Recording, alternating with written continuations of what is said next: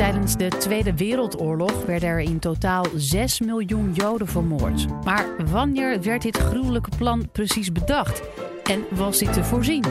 Historicus Bart van der Boom van Universiteit Leiden beantwoordt in deze podcast de vraag of de Holocaust een vooropgezet plan was.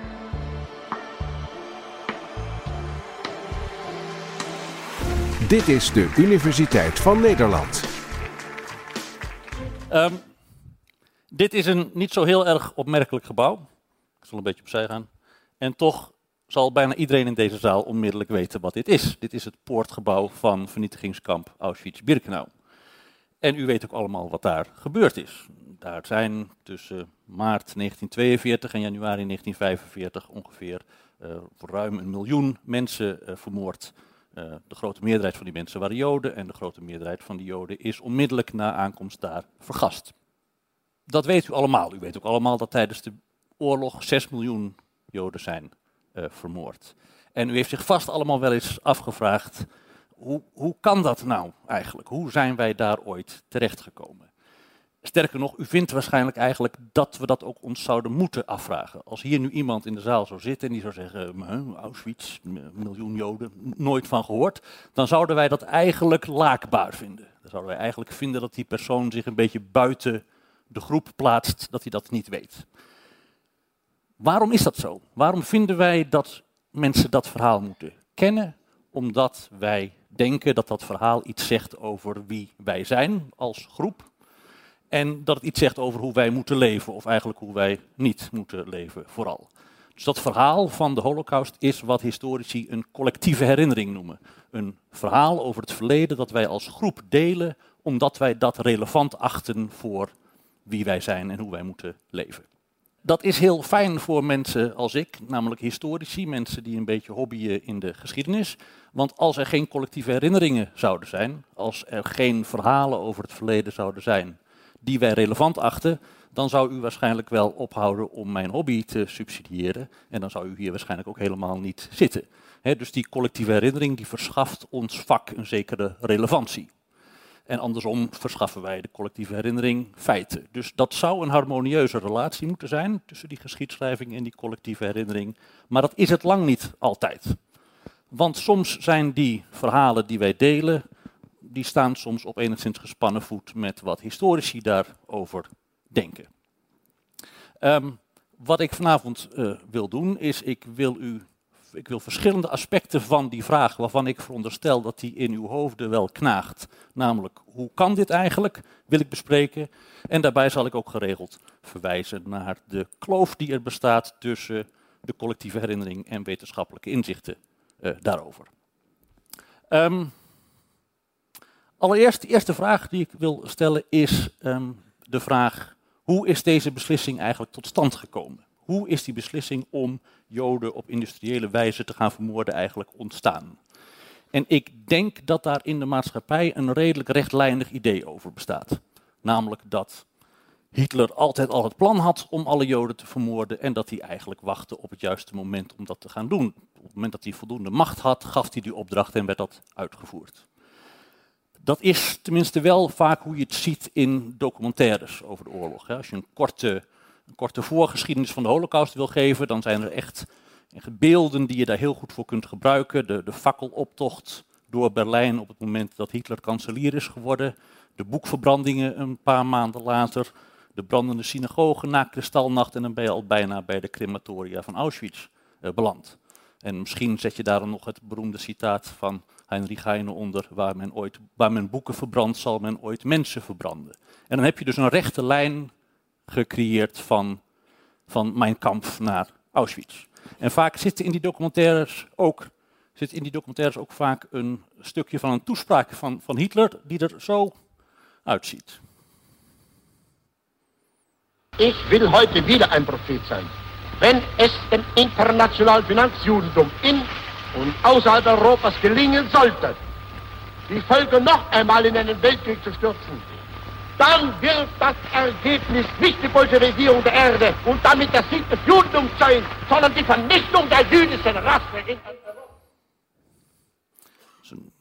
roemrucht fragment.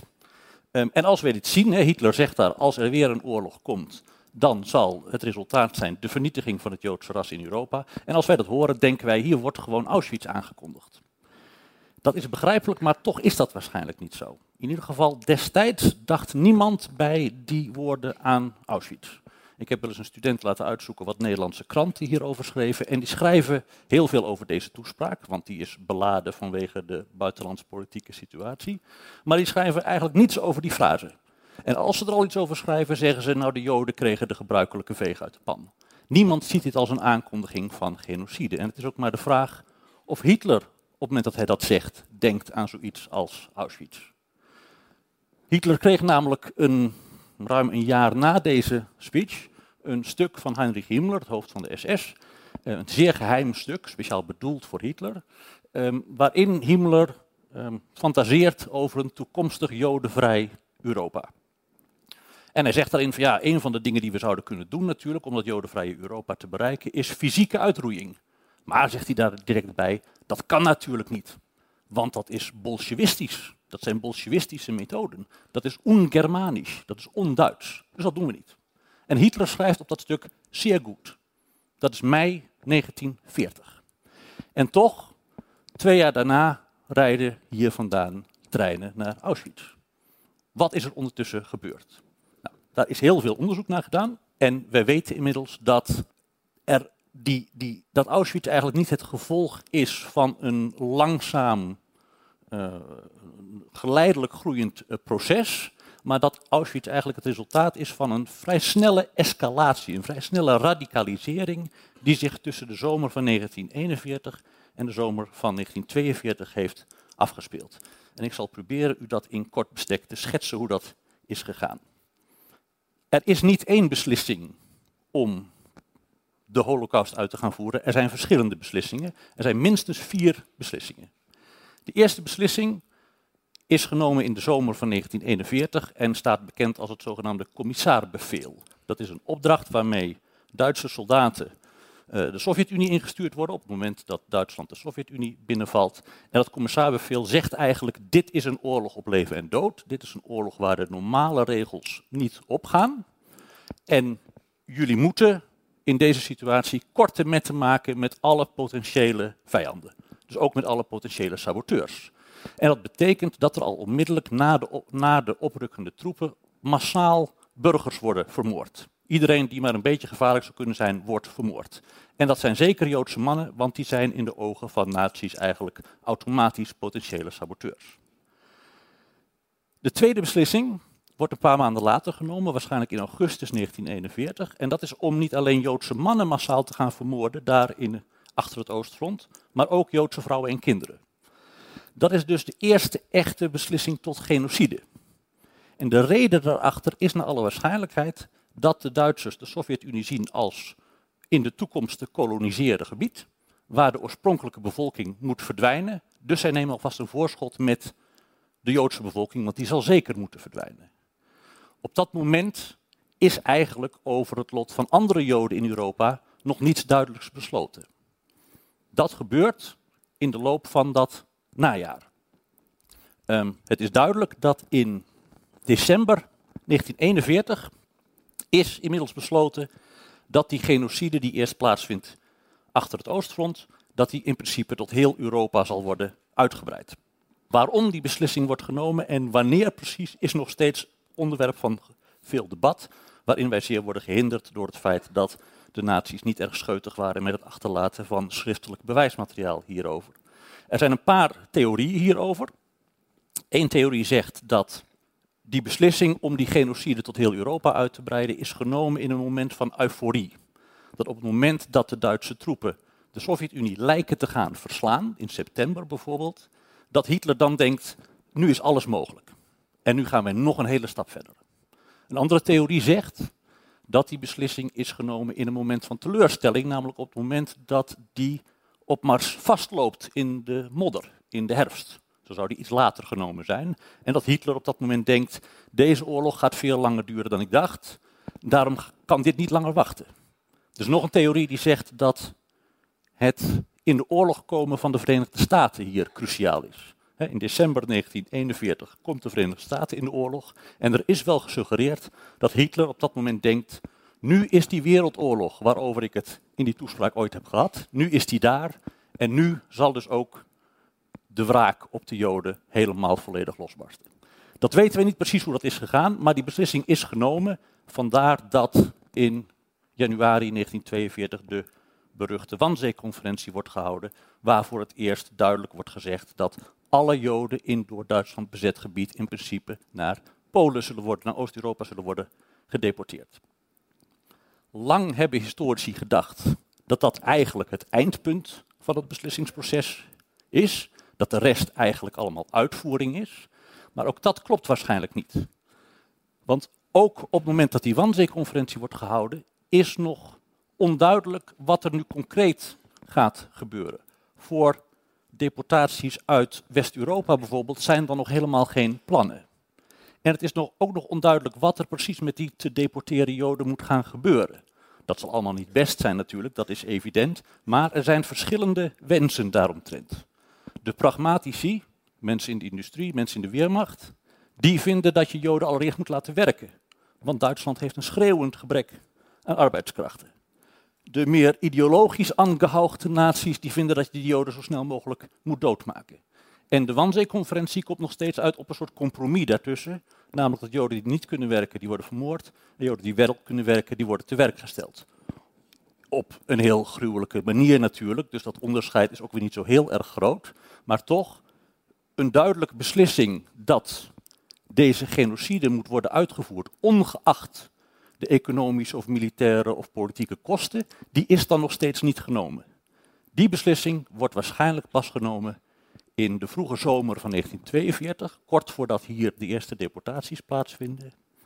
Wij weten dat Himmler op dat moment, ergens in eind mei of begin juni, opdracht geeft om de capaciteit van de vernietigingskampen uit te breiden, veel meer treinen vrijmaakt voor deportaties en ook voor het eerst een soort deadline stelt en zegt dat voor het eind van het jaar, dus voor het eind van 1942, de Poolse Joden allemaal moeten zijn vermoord, behalve de Joden in de grote ghetto's.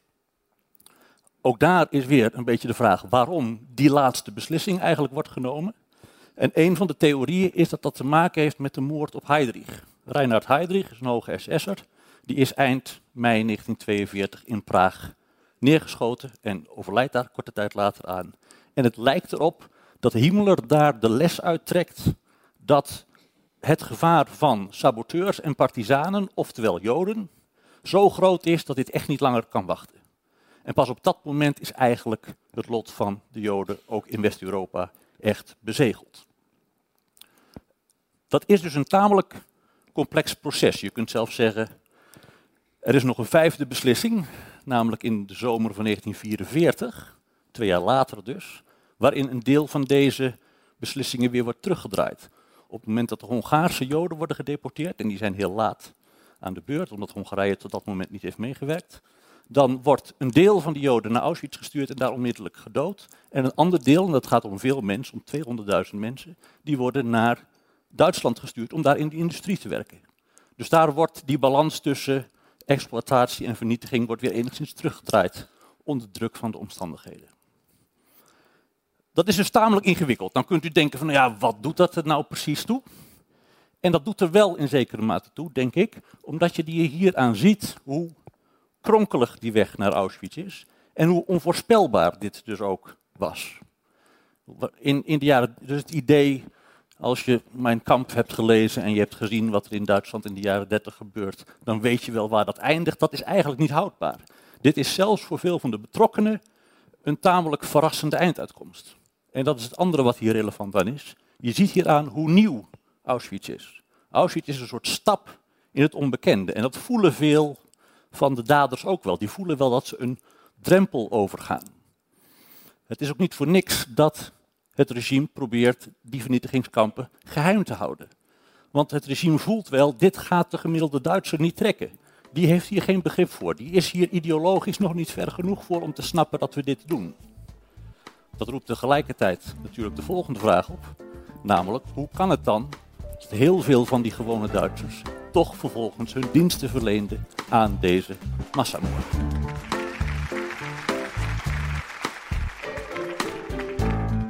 Dit was de Universiteit van Nederland. Wil je nou nog meer wetenschappelijke antwoorden op spannende vragen? Check dan de hele playlist.